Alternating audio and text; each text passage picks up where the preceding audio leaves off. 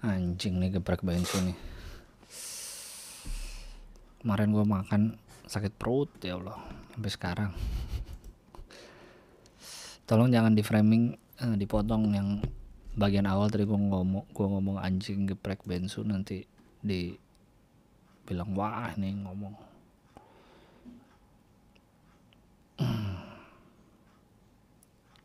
ini mencemari nama baik geprek bensu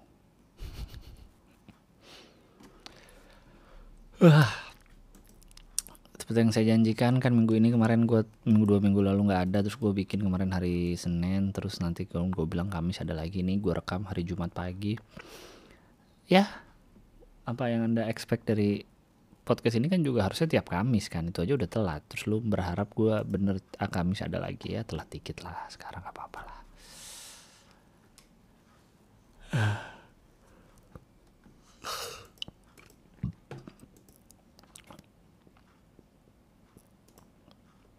gimana? Sehat-sehat semuanya? Basa-basi banget ya. Gue ini emang kelihatannya emang nggak kelihatannya sih emang udah makin makin tidak jelas. Semakin tidak jelas ujung pandemi di negara kita tercinta ini akan sampai kapan gitu. Semakin gak kelihatan ujungnya. Udahlah uh, pred- uh, omongan-omongan pejabat pas awal-awal udah emang emang udah busuk aja udah nih lihat aja hasilnya sekarang. Akhirnya. Dan untuk yang banyak apa kan banyak yang orang nggak percaya banyak yang bilang ini semua rekayasa lah hoax lah segala macam walaupun gua nggak ada di posisi itu ya karena gua udah pernah kena juga tapi gua bisa apa ya gua bisa memaklumi gue bisa mengerti kenapa mereka mereka orang itu tidak percaya gitu. Kenapa bisa mereka ada di posisi tidak percaya? Karena karena ya mungkin lihat dari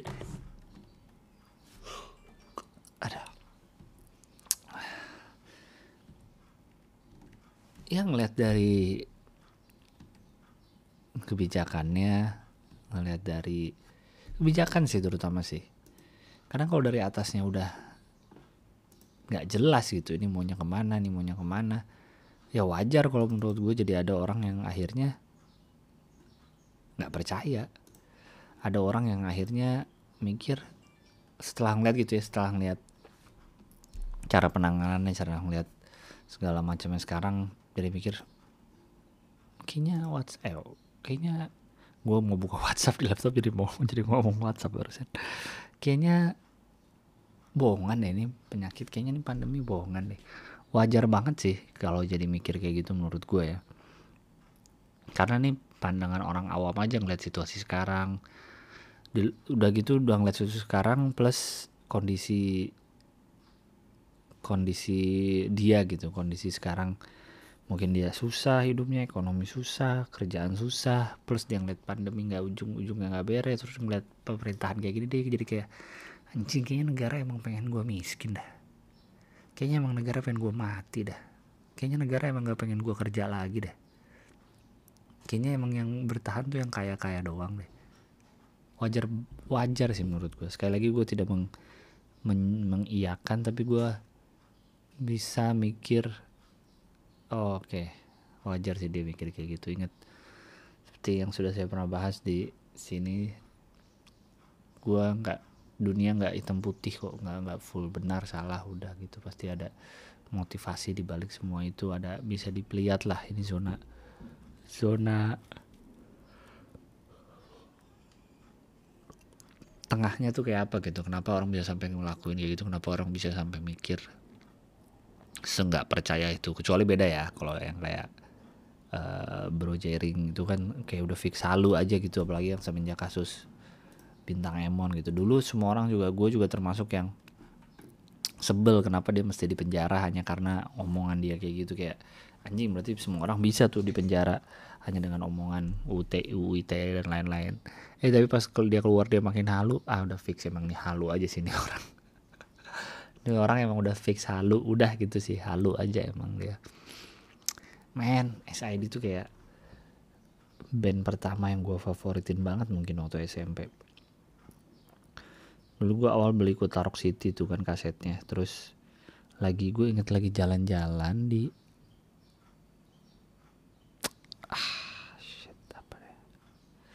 the dulu Lotte Fatmawati itu di Jakarta kalau yang pada tahu itu dulunya the best namanya. Eh Golden Truly. Golden Truly itu berubah jadi the best. D koma atas best. Kalau nggak salah pas the best itu ada toko kaset yang kecil jadi bukan kayak Aquarius yang besar gitu. Toko kaset kecil tapi di sekelilingnya tuh di dindingnya kaset semua gitu nempel. Nah terus gue nemuin aduh gue nemuin album SID yang sebelum gue taruh City yang kasetnya tuh tipis kasetnya tipis isinya kayak cuma 6 lagu apa. Dan bukan yang kaset plastik casing plastik itu kayak cuma di slot di dalam sampul karton gitu. Terus gue minta aduh kayak biasa kan kalau lagi pergi sama orang tua gitu kan boleh lah dapet jatah satu kaset gitu. Gue agak-agak gak enak mintanya waktu itu karena uh, kasetnya kecil kan kayak masa harga segini cuma dapat kaset tipis apa lebih kecil nggak pakai plastik tuh kayak lebih dikit uh, lagunya. Cuma akhirnya gue minta beliin ke bokap waktu itu tuh. Uh,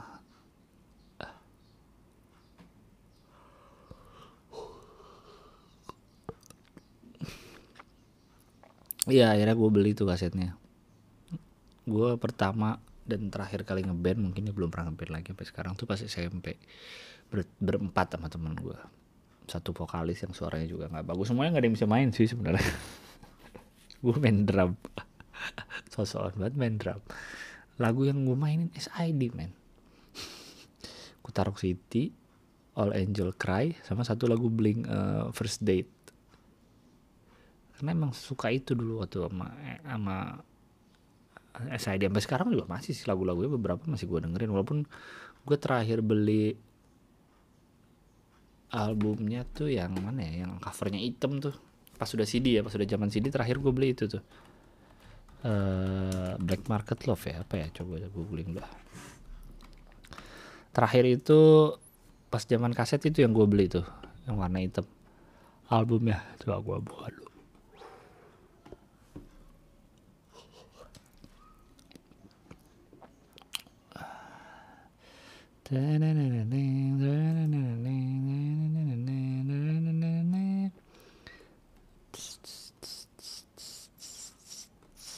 Angel and Outside Black Market Love. Kayaknya ini deh Hangover DKD deh. Duh, ini ada gambarnya nih Wikipedia. Ah.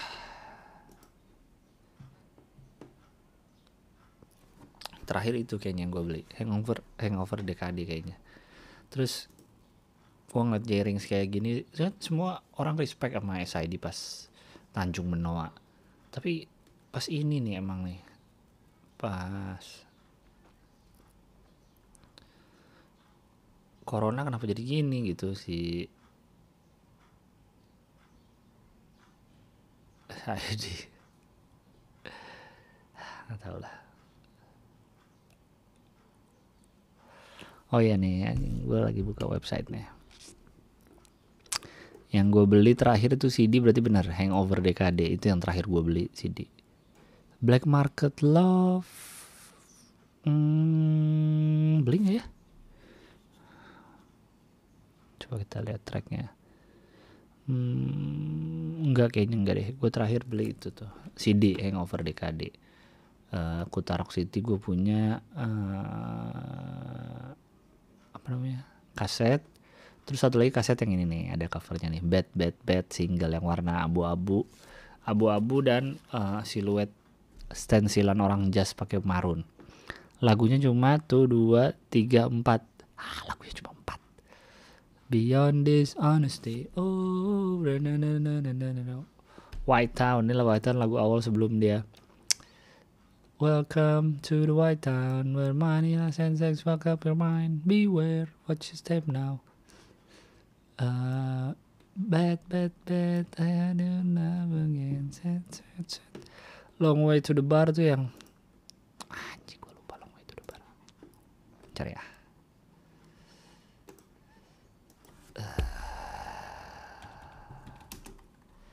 Long way to the bar. Long way to the bar. Superman is dead.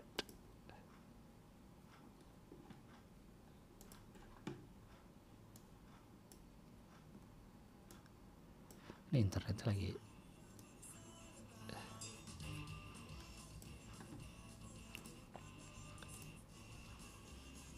I got Tony, I'm survive now I want another drink. Wes, nah, nah, nah, nah, nah, ya. Tapi cuma empat lagunya di album yang itu tuh.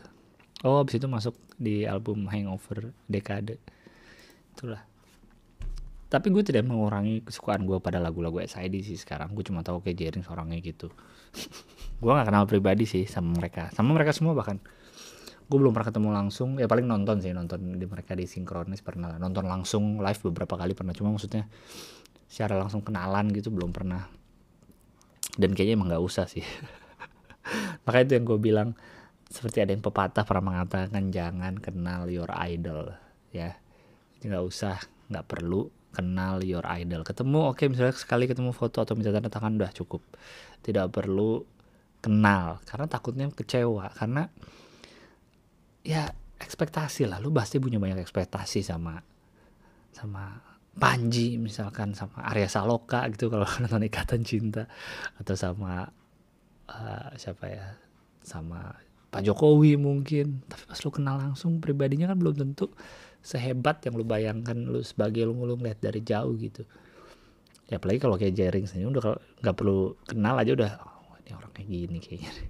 Atau jangan-jangan pas ketemu langsung nggak kayak gini ya? Persona. Semua ini sebenarnya dibangun jadi ternyata Jering berhasil memperdaya satu Indonesia untuk percaya kalau dia orangnya kayak gitu. Anjing keren banget sih. Kalau ternyata ini semua tipu daya istrinya juga uh, ikutan dalam skenario ini anjing keren banget. Ya cuma kayak gitulah. Ini emang emang harusnya sih bukan masalah jaris dong. Emang harusnya kita memisahkan orang sama karya sih. Ya nggak? Setuju nggak? Sudah seharusnya gue juga nggak perlu uh, minta persetujuan harusnya ya. Lu nggak setuju juga gue nggak peduli. Memisahkan orang dari karya. Uh,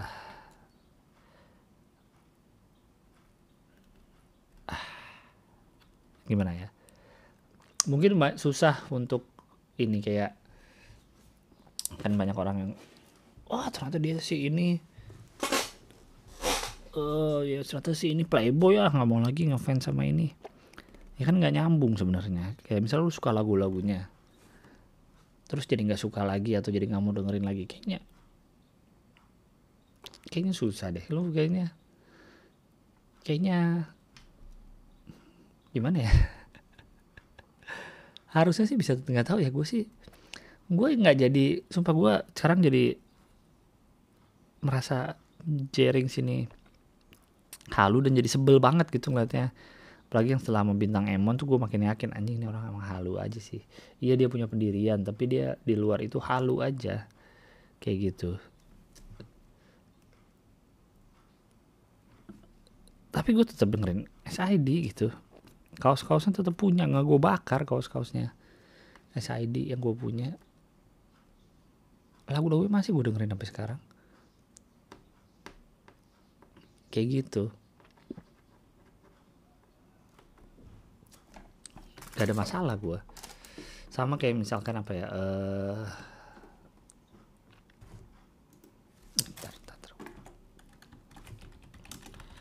sama kayak misalkan siapa ya contoh ya oh Louis C.K. Louis C.K. itu kan beberapa tahun lalu dia dua 2018 mungkin 2017 kan dia kena kasus pelecehan seksual kena kasus pelecehan seksual kalau yang gue baca beritanya uh, dia ngajak dua cewek kalau nggak salah komik baru gitu ke kamar hotelnya udah mau nih cewek itu diajak ke kamar hotelnya ya ini berarti kalau nggak salah nih ceritanya ya walaupun gue juga agak bingung sih kenapa kalau dari awal udah mau diajak ke kamar hotel oh, tapi tidak menjustifikasikan kalau lu bisa diajak ke kamar hotel berarti lu bisa diapa-apain kan dan kalau nggak salah kasusnya itu adalah dia ngajak dua cewek ini komik baru kan wah sama abang-abangan Louis CK diajak nih kamar hotel mungkin dikira mau kombut kali ya. Mungkin dikira mau tes materi mungkin Bang Sike nih aku ada materi baru nih gini-gini tolong bantuin uh, mungkin mau nulis materi. Uh, apa tadi? Gue mau cerita. Oh ya katanya dia si Louis Sike tuh uh, masturbasi di depan dua cewek itu. Kalau nggak salah gitu ya beritanya. Gue pernah baca tuh uh, beritanya. Ya silahkan dicari sendiri. Itulah kenapa kalau yang nggak tahu kenapa Louis C.K beberapa tahun ini tuh hilang gitu kayaknya. Nggak nggak muncul nggak sering muncul lagi di TV di mana-mana gitu. Karena kasus itu dan orang kan pada nge, cancel ya istilahnya kalau di sana kan di cancel dia gitu karena kasus itu. Gue Louis C.K komik favorit gue my all time favorite komik kayaknya Louis C.K sih. Uh, kasus itu wow banget sih kayak kayak gue ngeliat kasusnya kayak hmm, dia dia coli depan depan orang ya. Bingung gitu terus kayak gue sebagai fans celah fans. Gue sebagai penggemar karya-karyanya gitu merasa kehilangan karena ya gue nggak bisa lihat-lihat dia lagi sampai akhirnya dia gue beli digital download dia. Yang digital download lebih mahalan digital download gue ya daripada digital download Louis C.K. uh, lebih ma lebih mahal digital download anak-anak di comika.com bahkan yang mungkin di comika.com banyak kan komik-komik yang bahkan yang lu nggak tahu namanya pun ada digital download itu lebih mahal daripada digital download Louis CK. ya, uh, mendung ya. Uh, terakhir digital download dia di 2020 tuh akhirnya dia bikin lagi stand up uh, spesial dan dia bahas sedikit soal kasusnya dia itu. Uh, iya gue sebagai kalau penggemarnya kehilangan itunya. Dia jadi jarang keluar kan padahal gue suka banget gitu. Dia komik yang gue tonton banget sebelum gue bikin show pertama gue 2017 tuh dia yang gue tonton banget untuk waktu lagi mau nyari inspirasi jadi lagi mau waktu lagi mau nulis materi lah gue nontonin dia dulu gitu. Kayak nyari-nyari klip-klip dia di YouTube yang pendek-pendek asal-asal aja cari gue nontonin dia. Dia sama Karlin sih dua itu. Walaupun kalau lu pikir kayaknya dua-duanya nggak nyambung sama materi gue deh gitu. Cuma nggak tahu kenapa itu yang gue tonton terus untuk menghype manasin gue biar nulis materi keluar nih. Tapi si K terutama yang nomor satu sih. Nah kayak gitu. Uh, tapi sekali lagi ya dengan lu suka karyanya ini susah nih ini ada batas ada batas. Ih, berisik banget kursi gue nih.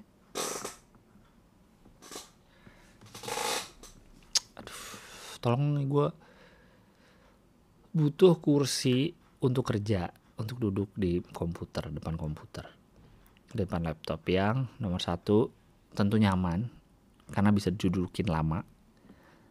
Harus bisa dudukin lama. Nomor dua senderannya tinggi sampai kepala bukan yang cuma senderan sampai punggung.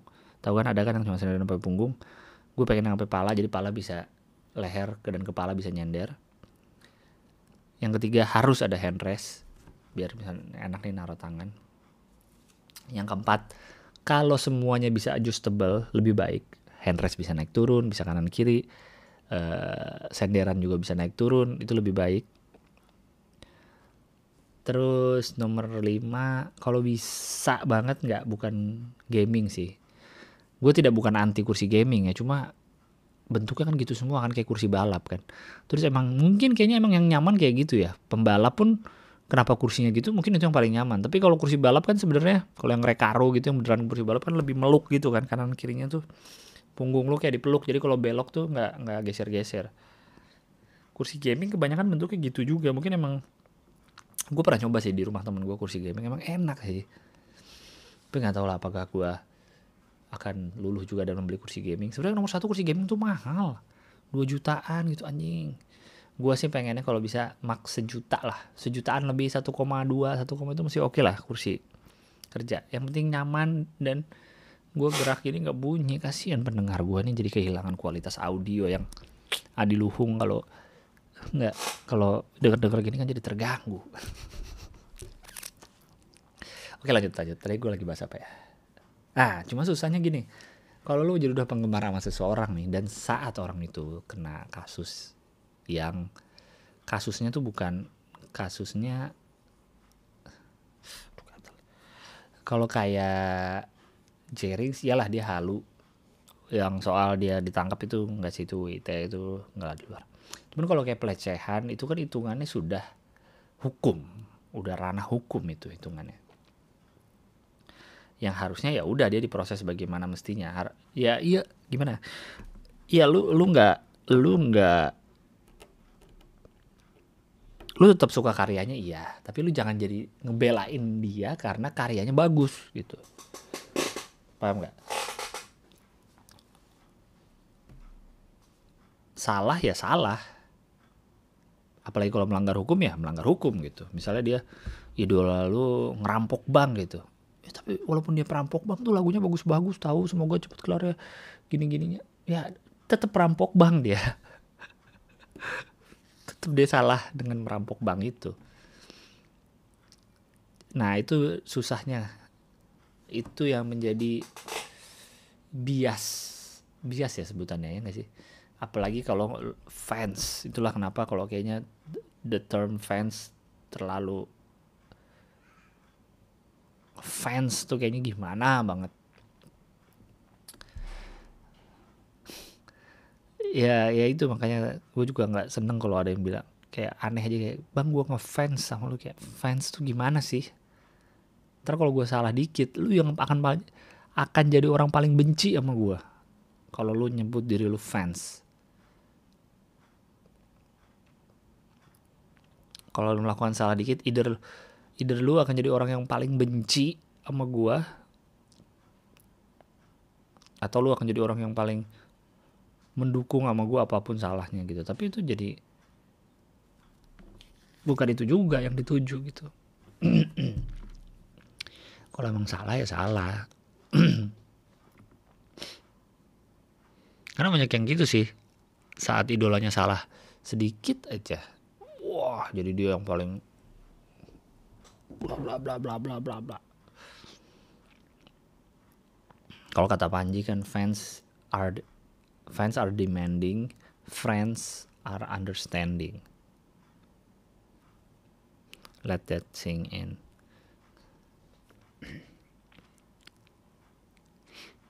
Tapi emang gitu sih.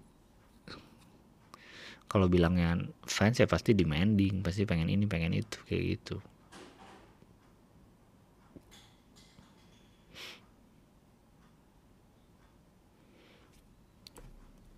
cuma ya itu sih emang emang harus dipisahin menurut gue ya. Menurut gue emang harus dipisahin sih karya sama sama orangnya sama kelakuannya sama sosoknya gitu. Contoh yang paling dekat kemarin inilah eh siapa namanya? Gofar Hilman. Uh, Gofar gue juga nggak nggak gue nggak bisa bilang gue kenal sih. Gue pernah kenalan sama dia dua kali. Satu karena kerjaan. Dua-duanya karena kerjaan bareng sebenarnya yang waktu bareng di acara Wuling. Habis itu pas uh, gue stand up pertama kali itu yang Holy Wing bikin acara stand up yang sama Kemal. Habis itu kan ada Gofar. Nah kenal. Jadi Gofar sama gue sama-sama saling tahu aja. Gofar tahu gue oh nih Gilang temannya Uus gitu. Si Gilbas teman Uus karena temannya Uus ya. Tapi secara kenal main bareng gue nggak pernah gitu sama Gofar. Cuma dua kali ketemu. Kayak gitu. Karya-karyanya kayak YouTube YouTube-nya seneng gue nontonnya terutama uh, dulu vlog-vlognya masih suka gue ikutin kadang-kadang walaupun bukan yang pengikut banget gue kadang-kadang doang. Uh, yang soal otomotifnya yang gue suka sekutu sekutu sekutomotifnya lumayan lah kalau ada yang seru ya kalau ada yang seru suka lah. Gofar beberapa gue suka uh, ininya. Uh, ininya sekut FM-nya eh apa sih yang oh ngobam ngobamnya yang paling yang paling sering gue ikutin adalah ngobamnya sebenarnya yang rutin yang pasti gue tonton. Nah terus iya gue suka sama ininya tapi di luar itu kalau yang kasus ini gue mendukung yang kalau emang bener ya emang harus kalau emang kejadian kayak gitu dan emang separah itu emang harus di dihukum. Jangan diberi ampun. Wah udah kayak kancil emang harus ada sanksinya sih ke Gofarnya kalau memang benar dan sudah semua terbukti gitu. Karena berat juga emang jadi korbannya. Karena dia udah itu mah dua tahun lalu harus ada bukti dia nyari buktinya susah pasti itu gue kebayang jadi si cewek udah mah dia menahan menahan sakit selama dua tahun itu. Plus dia sekarang kalau mau ke hukum setahu gue ya lu yang mengomong lu yang harus ngeluarin bukti gitu kebayang susahnya dia nyari bukti nih sekarang kalau misalnya kayak lagi diproses kayaknya dia sekarang lagi nyari bukti-buktinya nih yang bisa dia dapat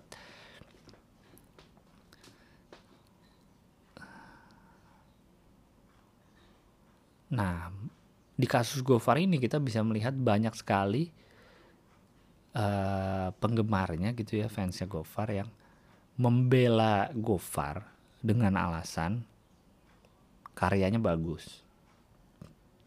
Ya, terus sama lagi dengan alasan Gofar orangnya emang gitu. Iya emang Gofar beliau uh, meng persona dirinya tuh kan bad boy kayak tukang ngewe ke mana-mana sama cewek itu sering godain. Di Instagram aja dia tidak sungkan mengkomen. Banyak kan orang yang ah malu ah DM aja atau ngasih ngasih reaction aja di storynya. Ih gemes. Biar abis itu lanjut ngobrol. Tapi kalau Gofar nggak malu-malu dia. Emang udah dikenal publik kayak gitu ya udah cuek aja. Uh, uh, apa namanya komen di cewek cakep di komen love apa gue suka ketemu tuh kadang-kadang komen ya gue par. Berarti gue juga suka ngeliatin cewek-cewek cakep dong? Ya kayak gitulah. Uh,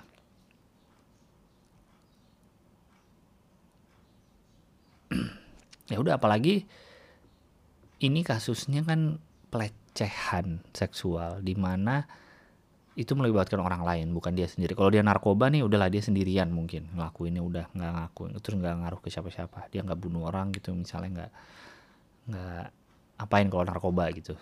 Kalau ini kan dia ada korbannya. Dan kalau yang terakhir gue lihat tuh korbannya ada yang lagi yang yang speak up tuh kayak 8 orang bahkan sampai ada posko gofar. Posko korban korban gofar gokil serem banget kayak kayak bencana gitu.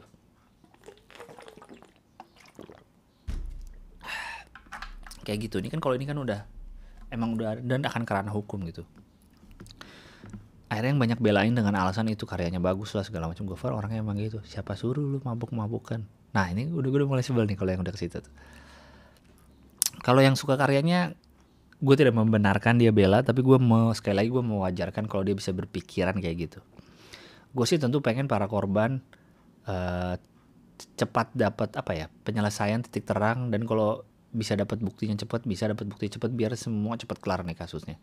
Gue kebayang jadi korbannya juga nunggu pusing gimana caranya. Jadi gofar juga gimana nih gue ngelanjutin hidup gimana gimana gimana. Tapi ya semua harus dilakukan eh, uh, gitu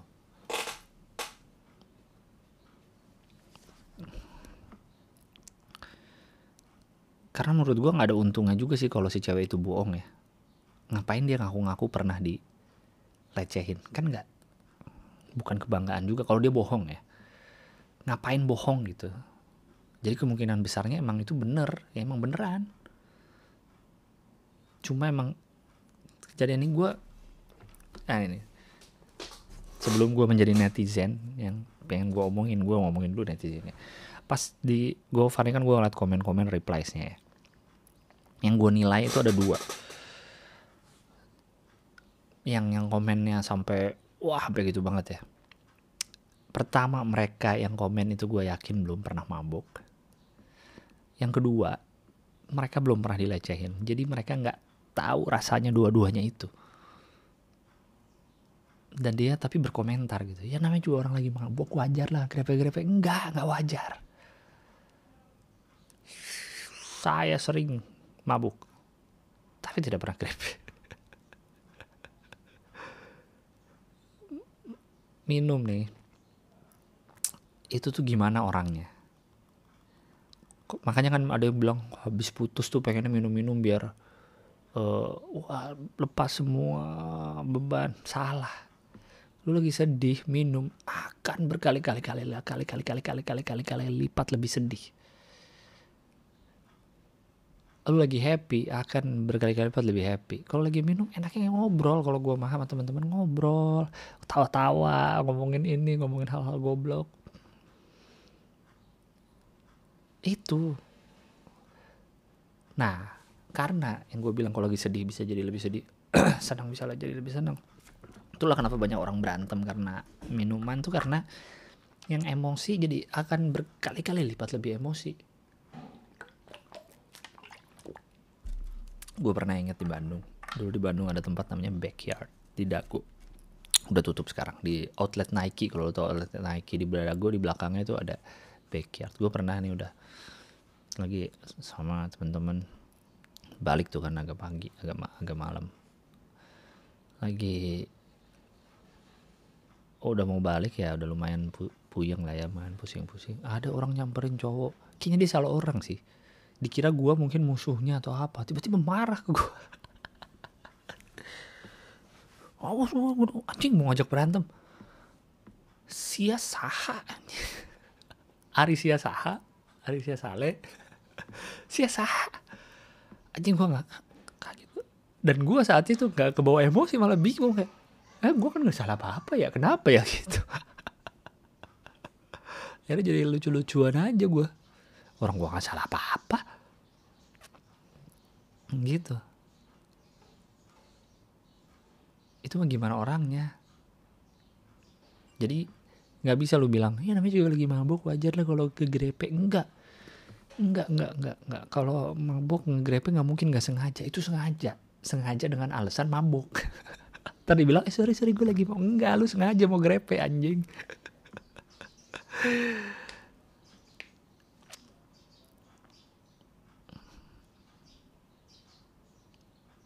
Karena kalau yang udah mabuknya parah banget, boro-boro mau ngegrepe, udah pasti duduk doang.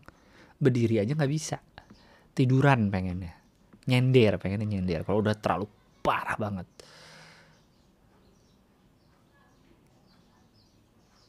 kayak gitu yang kedua orang-orang itu nggak pernah dilecehin pasti pada komen gue juga nggak pernah dilecehin jadi gue juga nggak akan cerita kalau tadi kan saya pernah minum pernah mabuk jadi tahu ceritanya kalau saya tidak pernah dilecehin saya jadi nggak bisa cerita. Mereka karena ngomong kayak lu nikmatin juga kan? Iya anjing fuck.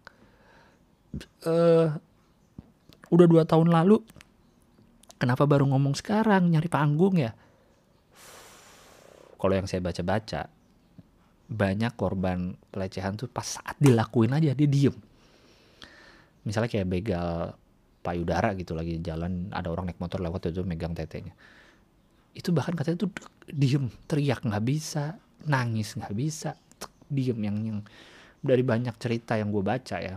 Kan sekali lagi gue nggak pernah ngelak gue nggak pernah ngalamin dan semoga nggak pernah ngalamin dan semoga juga kalian yang denger juga tidak akan ngalamin. Uh, terdiam gitu mematung anjing gue diapain barusan? Gitu loh. Anjing gue di iniin barusan. Kayak gitu jadi nggak nggak bisa gerak. Apalagi ngomong apalagi cerita ke orang apalagi stigmanya di sini kan. Kalau lu cerita pernah diperkosa ih korban pemerkosaan ih ih pernah di ini ih ih ah lu tahu orang-orang kayak tai semua di sini.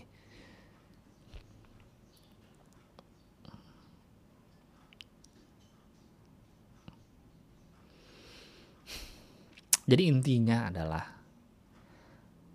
pisahin orang sama karya. Kalau gue ya pisahin orang sama karya. Dan jangan terlalu fanatik akan sesuatu apa pun menurut gue apa pun. Tokoh ke barang ke orang ke yang lu anut.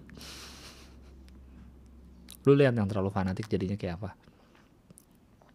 Biasa aja gitu.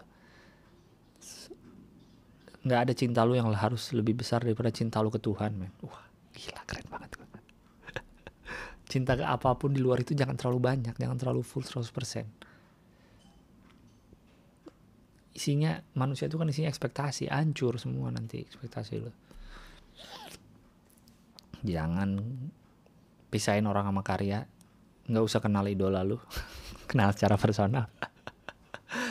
Karena nggak semua orang yang seasik bayangan lu. Jangan ngebela kalau salah ya salah. Hmm, apalagi ya? Ya kayak gitulah lo nangkap lah intinya lah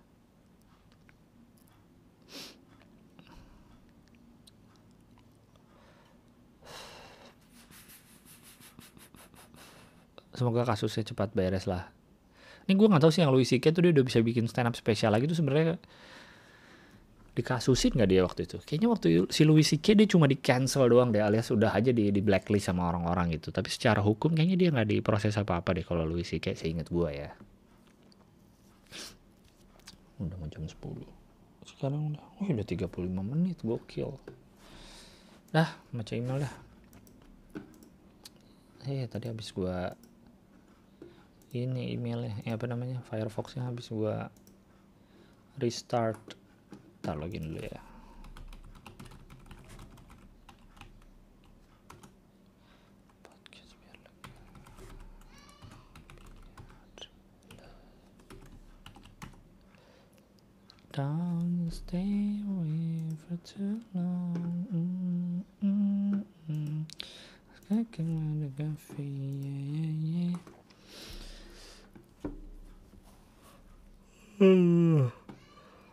Oke, email dari tanggal Mei 27.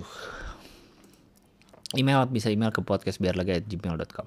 Assalamualaikum bang, semoga sehat selalu. Waalaikumsalam. Permisi mau cerita biar lega aja. Hehe, salam kenal bang. Saya cowok usia 24 tahun masih nganggur dan masih belum punya pasangan. Saya udah setahun lebih di rumah sambil ngeliatin sambatan teman-teman yang udah pada kerja. Hehe. Bang, saya sering ngerasa out of place gitu. Selera saya sering beda dari teman-teman mulai dari musik, tontonan, bacaan, bahkan lawakan pun beda. Tapi bukan berarti selera saya lebih baik dari mereka, cuma beda aja. Hal ini sering bikin saya bingung kalau ngobrol sama temen. Mau ngomongin hal yang saya suka kok mereka nggak ngerti. Mau ngomongin hal yang mereka suka kok saya nggak paham sama sekali. Kadang saya iri sih kalau lihat teman-teman saya bisa ngobrol asik karena mereka punya selera yang sama. Sebenarnya saya udah pernah coba ngikutin teman-teman saya, tapi kok ya ya nggak bisa dipaksain ternyata. Mungkin suatu saat saya bakal ketemu sama orang-orang yang setipe sama saya. Uh, ya udah bang gitu aja ceritanya lumayan lega rasanya makasih banyak kalau cerita saya dibacain kebetulan saya nulis ini di hari ulang tahun saya jadi kalau misalnya dibacain sama bang Gilang saya anggap kado deh hehe ulang tahunnya 27 Mei ya gue bacanya 2 Mei Juni Juli udah. Tapi menurut gue nggak apa-apa beda gitu. Teman-teman gue banyak yang nonton bola. Gue enggak sama sekali. Biasa aja sama bola gitu. Paling timnas paling uh, piala dunia kadang-kadang. Nggak apa-apa gue ngobrol bisa nyambung ke hal yang lain. Nih ya temen lu dan lu tuh punya mungkin seratus ratusan spektrum obrolan atau topik yang disukain masa nggak ada satu yang bisa nyangkut? Yang sama? Nggak mungkin lah. Kayak gue punya temen nih. Gue seming, seminggu bisa dua tiga kali sepedaan bareng sama dia. Tapi mungkin di hal lain kita nggak nyambung. Tapi di sepedaan nyambung misalkan kayak gitu. Kan bisa nggak harus semuanya dilihat beda. Lu atau lu doang yang pengen beda kali kelihatannya. Nggak lah. Santai bro. Justru serunya temenan di situ kan beda-beda. Kalau sama semua semua main bola main bola ah bosen lama-lama. Semoga sehat selalu dan lancar rezeki. Amin. Salam. Waalaikumsalam. Waalaikumsalam. Lanjut. Menghadapi kegagalan. Uh, hal ha, ini masih tanggal Mei 27 hal halo bang.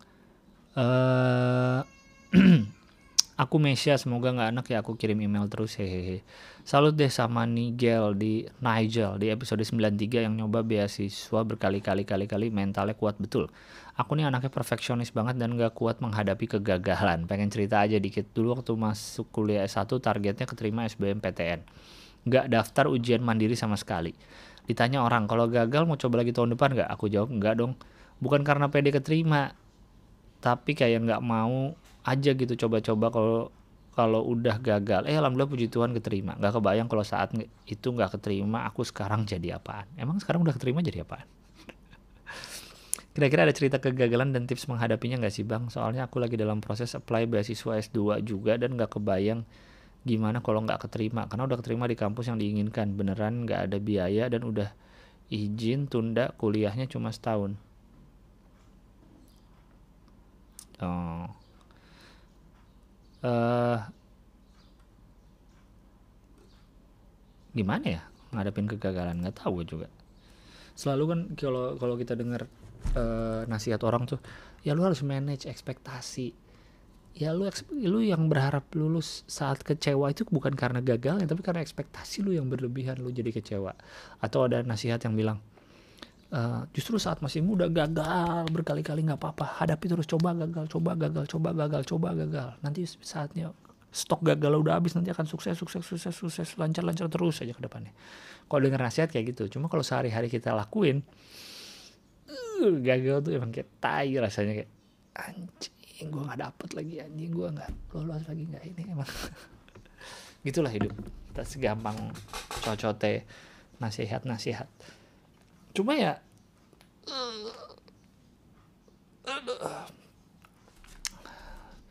cuma ya mau gimana sih? Nggak ada cara lain selain jalanin jangan dipikirin. Seperti yang saya bilang juga hidup tuh dijalanin bukan dipikirin. Kalau udah mikir gagal duluan ya udah nggak usah jalan aja. Atau kalau udah mikir mau sukses duluan ya udah sukses aja terus di, di otak lo di bayangan lo sendiri nggak usah sukses beneran ya udah nggak tahu sih saya nggak ada tips menghadapi kegagalan caranya adalah cobain aja kasih banyak Bang Gilbas sehat selalu idolaku. Wah, idola lagi. Nggak usah kenal kalau gitu ya. Epilog, aku punya biola baru namanya aku namai dia Gil, L 2 Gil.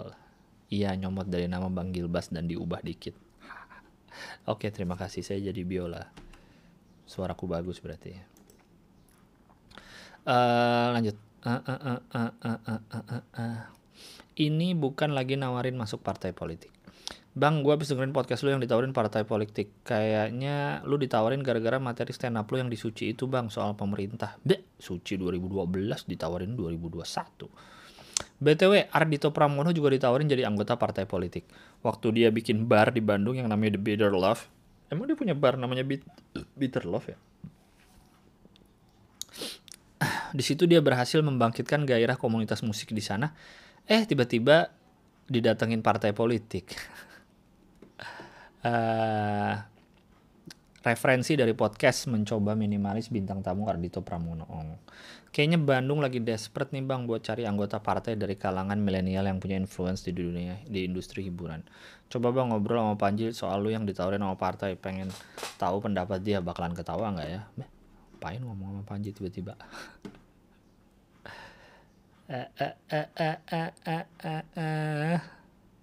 Mana lanjut? Assalamualaikum Manggil Bas, nama saya Fikri. Pengen nanya apakah seseorang itu mustahil untuk hidup dari idealismenya? Eh, pengen nanya apakah seseorang itu mustahil untuk hidup dari keidealismean dirinya? Nah, menurut saya idealisme itu sangat over rate bukan overrated apa katanya ya disalah artikan kali kan dia bilang e, wah dia idealismenya kuat sekali deh sekarang idealisme tuh beda-beda. Bisa nggak hidup dari idealisme? Bisa. Kalau idealisme lu duit. Itu kan idealisme dua. Idealisme juga. Ya oh lu mau kerjaan apa aja diambil? Ya iyalah idealisme gue duit. Berarti gue hidup dari idealisme gue dong. Idealisme tuh nggak melulu idealisme gue gue pengen ngelukis sampai tua. Nggak melulu kayak gitu. Eh itu idealisme juga. Tapi bisa aja idealisme gue adalah follow the money di mana ada duit di situ ada gue itu kan idealisme juga terlalu mengagungkan kata idealisme orang-orang tuh Lanjut, saya kerja jadi jurnalis di media game lepas dan mulai YouTube dengan konten game review karena saya rasa media kurang bisa mengakomodir soal idealisme saya. Mereka selalu bilang nggak apa-apa kapitalis tapi kaya. Jadinya mereka malah rubah haluan yang awalnya bahas game AAA jadi malah ke game mobile demi kaya. Terus ninggalin yang dulu di, diperjuangin gitulah mang. Uh, kalau Mang Gilbas pengen lihat channel saya boleh dicek namanya channel eh nama channelnya Milky Play. Itu mau dilihat Milky Play. Milky kayak susu ya. Oh jadi uh, media game kamu yang kamu kerja tuh uh, rubah haluan deh bahan game game AA jadi game mobile. Demi kaya. Terus ninggalin yang dulu.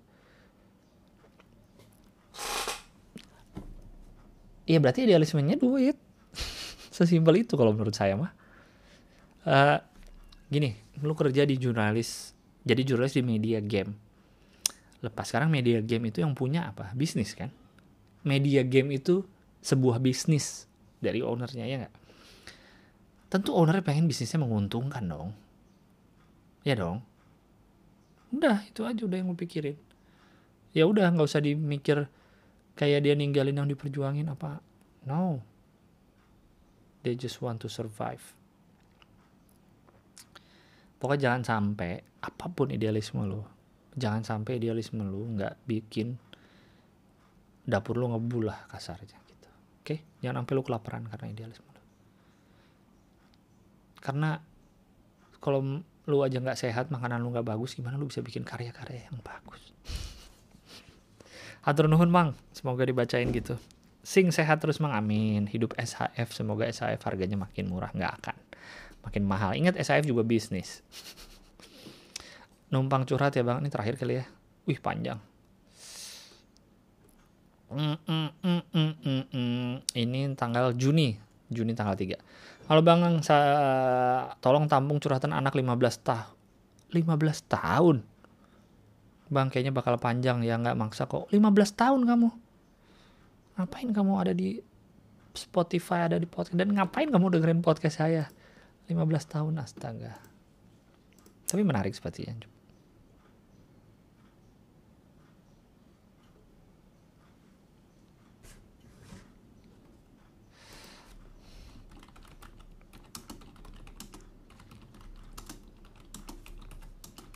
Ntar ya.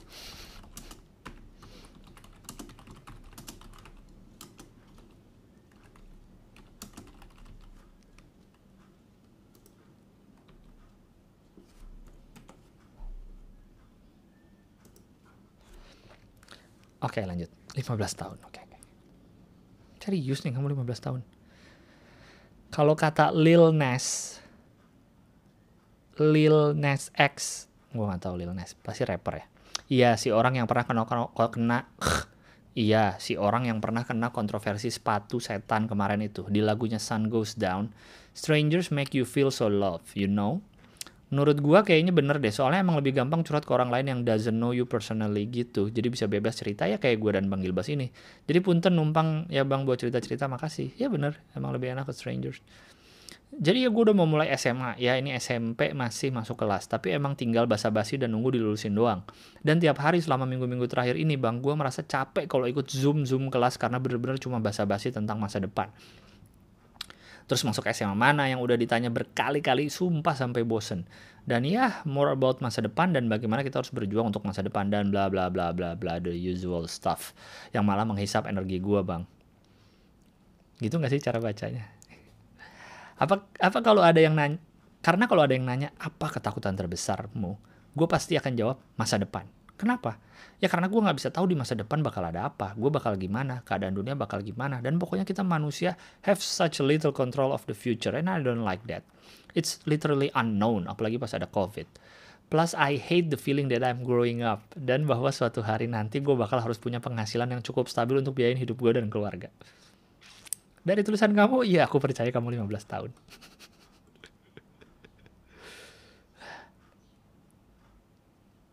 Tunggu kak, kamu 15 tahun tahu tahu aku dari mana ya? Tahu saya dari mana? Dari Suci. Suci itu 2012. Stand up 2011 tuh 10 tahun lalu. Kalau 10 tahun lalu umur lu masih 5 tahun. Nggak mungkin lo tau gue dari 10 tahun lalu. Oke lanjut. Lu tau apa yang gue takutin bang? Gue nggak bakal punya memori pas SMA karena PJJ, pembelajaran jarak jauh, akibat COVID gue baru tahu sekolah online disebutnya PJJ welcome to Indonesia. Negara penuh singkatan. Segala macam disingkat. Biar kelihatan hebat.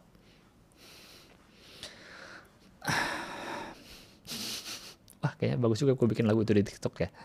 Indonesia negara singkatan. Gue takut gue nggak bakal punya teman lagi. Gue anak tunggal yang introvert di pandemi. Bayangin bang sepi banget nih rumah seringnya paling gue ngobrol dan ngehayal sendiri ya ada mama sih tapi ya seringnya kerja juga karena WFA dan papa kerjanya di keluar gue bahkan gak bisa make friends online kayak di Discord dan lain-lain gitu.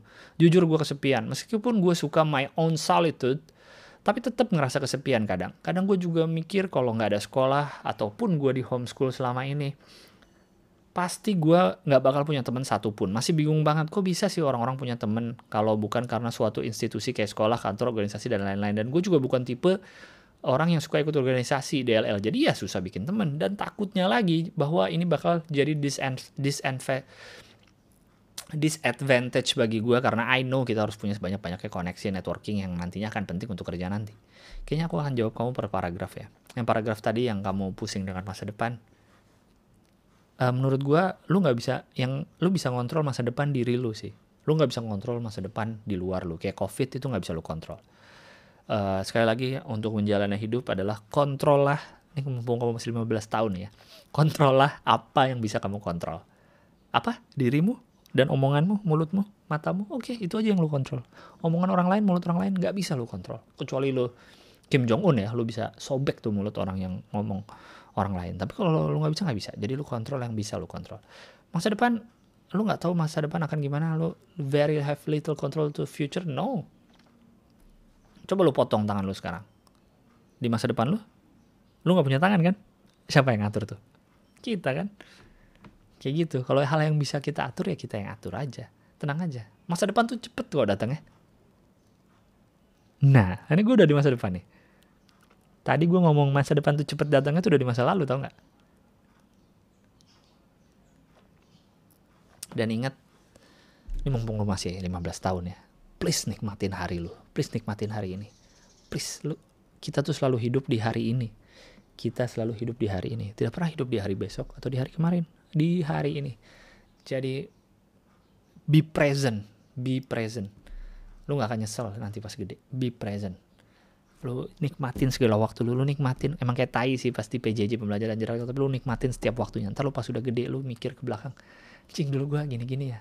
Jadi lu ada gitu di lu nih ada nih sekarang nih gue merasa gue mencoba gue menikmati nih gue lagi bikin podcast sekarang gue ada nih sekarang nggak nggak di masa depan gue nggak mikirin habis ini ngapain nih habis ini lagi ini kayak tadi gue sambil ngetik nah itu jadi kacau tuh makanya gue mencoba fokus jadi gue ya udah nih gue lagi di sini sekarang oke lanjut uh, nggak bakal punya teman. Bener gue pun juga mikir sih gue kalau nggak karena sekolah nggak karena stand up komunitas nggak karena kampus gue nggak tahu gue dapet teman dari mana. Dan gue nggak tahu rasanya pembelajaran online jadi karena itu gue tidak pernah merasakan. Tapi gue kebayang susahnya sih kayak nggak kayak gini sekolah men. Nggak nggak kayak gini gitu. Sekolah tuh harusnya lu ketemu teman nongkrong cabut ngeliatin yang ganteng ngeliatin yang cantik tidur di kelas itu sekolah cabut ujian lulus bareng nilai jelek bareng dapat nilai bagus bareng kayak gitu sekolahnya emang gue nggak nyuruh sekolah masuk juga karena lagi pandemi gini cuma emang gue secara dari lubuk hati yang paling dalam merasa kasihan emang sama angkatan-angkatan kalian angkatan corona ini. Oke lanjut. Bang, gue iri beneran sama para rich kids of Jakarta. Mereka sekarang lagi seneng-senengnya jalan-jalan sama teman-teman and just making memories as a teenager. Dan gue di sini yang seharusnya buat kenang-kenangan sama teman-teman karena udah mau lulus SMP, stuck sendirian di rumah karena temen gue satu-satunya yang cukup deket sama gue ada di Singkawang, Kalimantan. Dan sedang mengalami gejala COVID Sungguh menyenangkan sekali hidupku sebagai remaja tangguh. Eh kamu di mana emang? Singkawang. Kamu di Pontianak? Atau di mana? Di Sungai Pinyu? Hah? Di apalagi di Kalbar tuh? Uh, lupa lah nama-namanya. Nggak usah iri. Kalau emang kamu pengen ke Jakarta, kejar. Kalau ke Jakarta bisa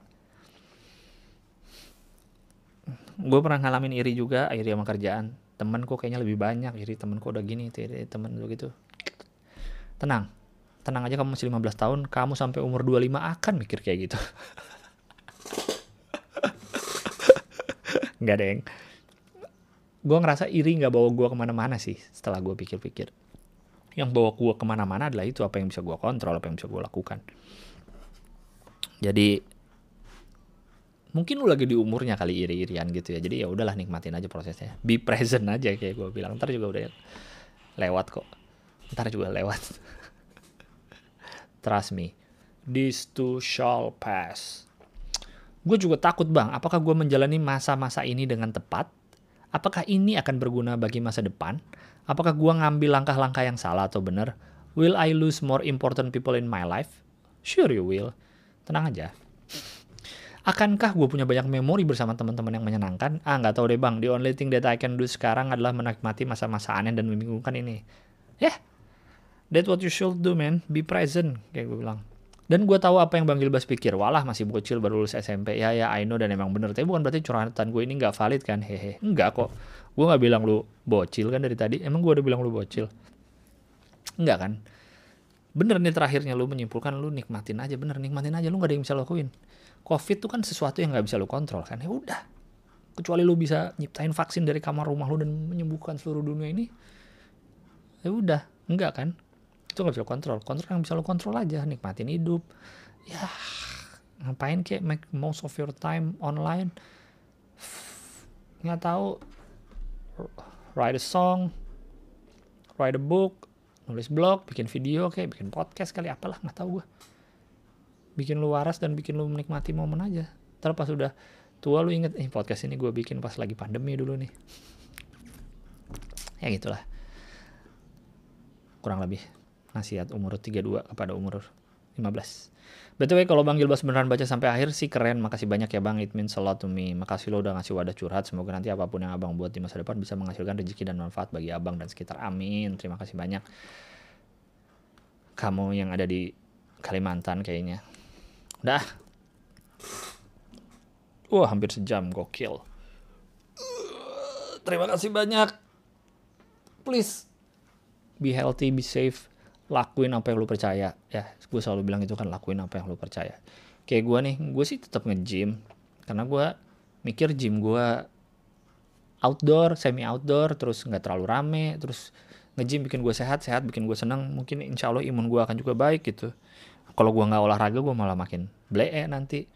Lakuin apa yang lu percaya oke? Okay? kalau lu percaya lu tetap harus kerja keluar rumah ya udah. Tapi dengan segala konsekuensinya.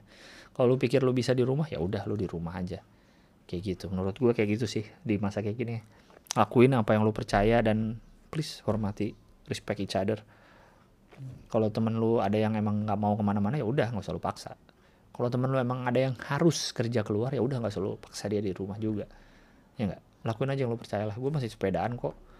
Gue masih keluar sekali-kali. Kayak gitu sih. Oke? Okay. love you guys. Terima kasih banyak. Sampai jumpa di episode berikutnya. Bye